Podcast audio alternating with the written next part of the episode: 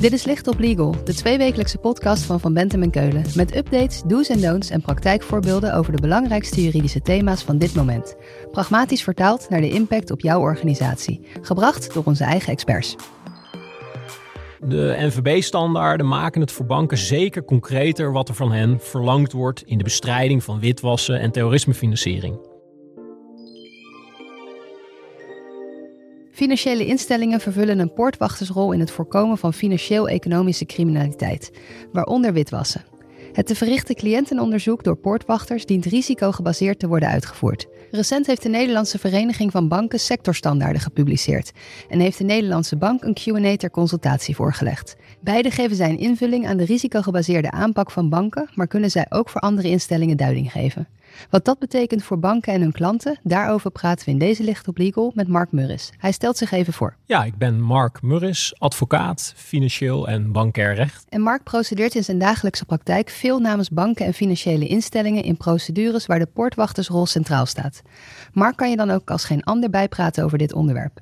Mark, om af te trappen. In het kort, wat houdt de poortwachtersrol precies in?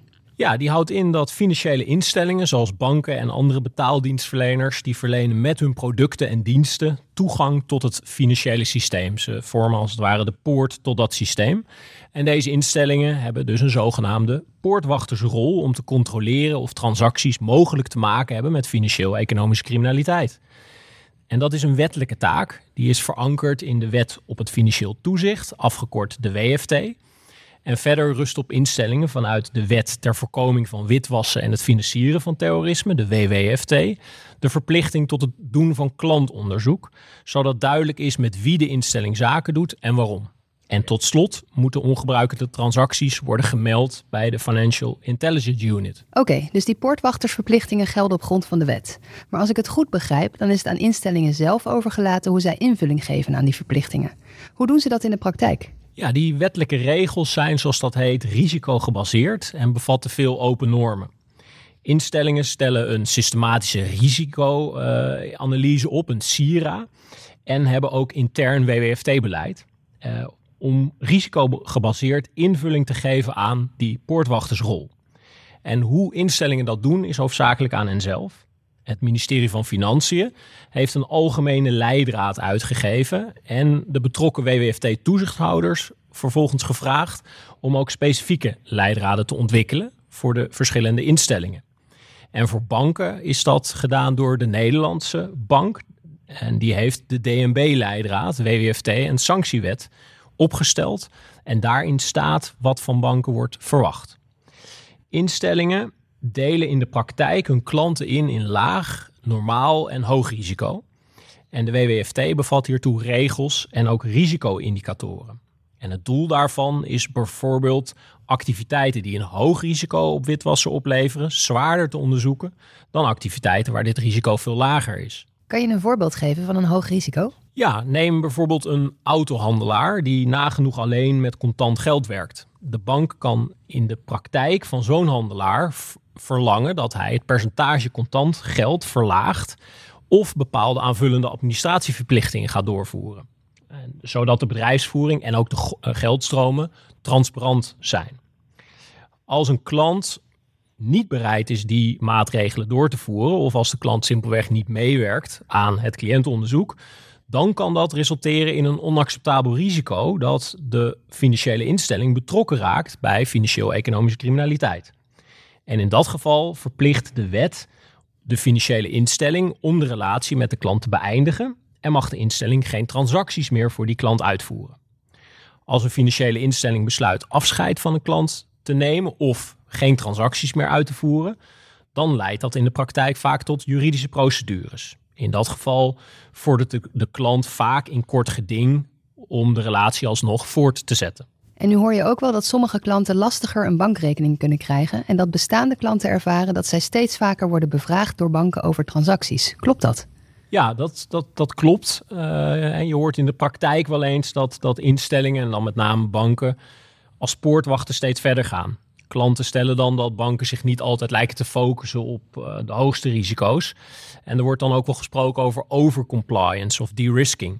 En een veelgehoorde klacht is dan dat klanten onnodig worden bestookt met lange vragenlijsten. en dat bepaalde groepen nauwelijks meer toegang krijgen tot het financiële systeem. Die ontwikkeling hangt wat mij betreft wel samen met de veranderende houding van opsporingsinstanties en ook van de toezichthouders. Die zijn namelijk steeds strengere eisen gaan stellen aan de poortwachters. Ja, je zegt vrij vertaald onder druk van toezichthouders. Bedoel je dan die megaboetes die we in het nieuws hebben gezien?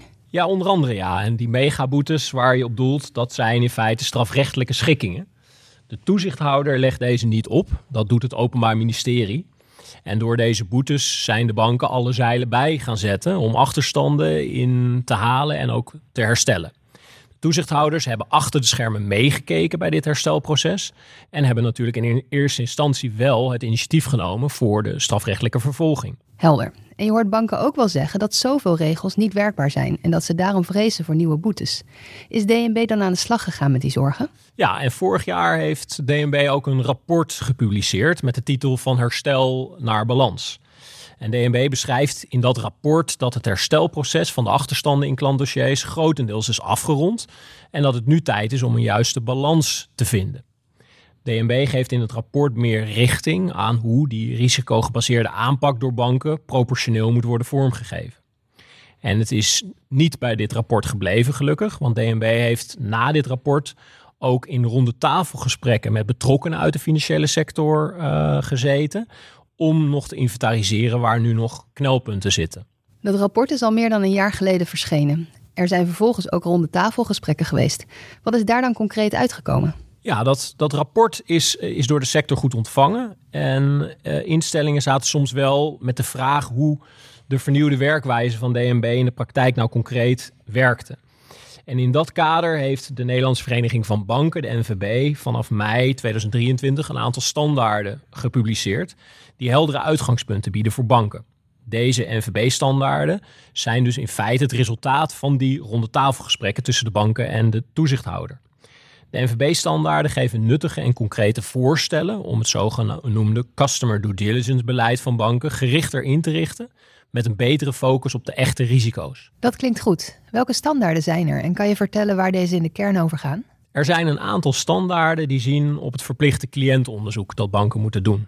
Zo bestaat er een NVB-standaard over de identificatie en verificatie van UBO's, over de te nemen CDD-maatregelen bij transacties met hoog risicolanden en over het actualiseren van cliëntgegevens. Om een voorbeeld te geven, een uitvraag aan een cliënt hoeft bijvoorbeeld alleen nog maar plaats te vinden als het echt niet anders kan. Zoals in bepaalde hoogrisicogevallen of als de informatie niet anderszins te verkrijgen is. Banken mogen zich ook steeds meer baseren op andere openbare bronnen, zoals het handelsregister, voor het vaststellen van de UBO.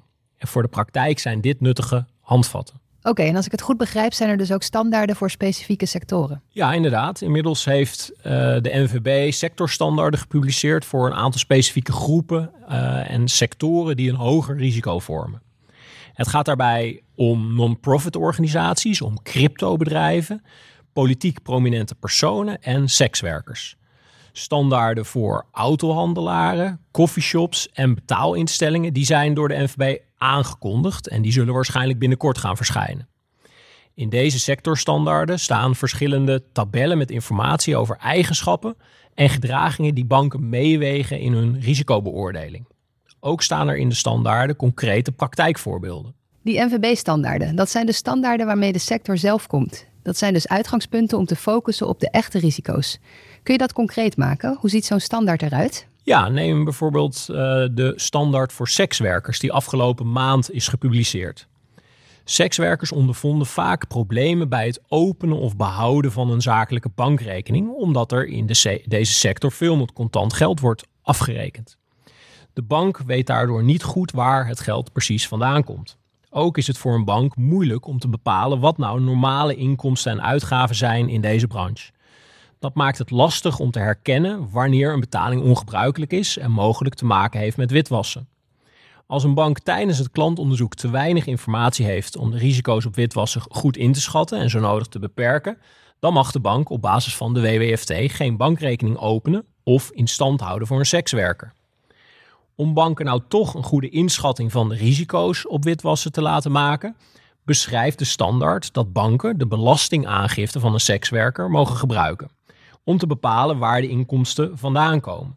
Dus als een sekswerker naast een goede boekhouding en een inschrijving bij de Kamer van Koophandel ook de aangifte voor de inkomstenbelasting, of als deze nog niet beschikbaar is, een BTW-aangifte, als ze die kan aanleveren, dan vergemakkelijkt dat het openen van een bankrekening. Begrijp ik het dan goed dat het van redelijk algemene regels naar een stuk concretere regels gaat voor banken? Ja, dat klopt. De NVB-standaarden maken het voor banken zeker concreter wat er van hen verlangd wordt in de bestrijding van witwassen en terrorismefinanciering.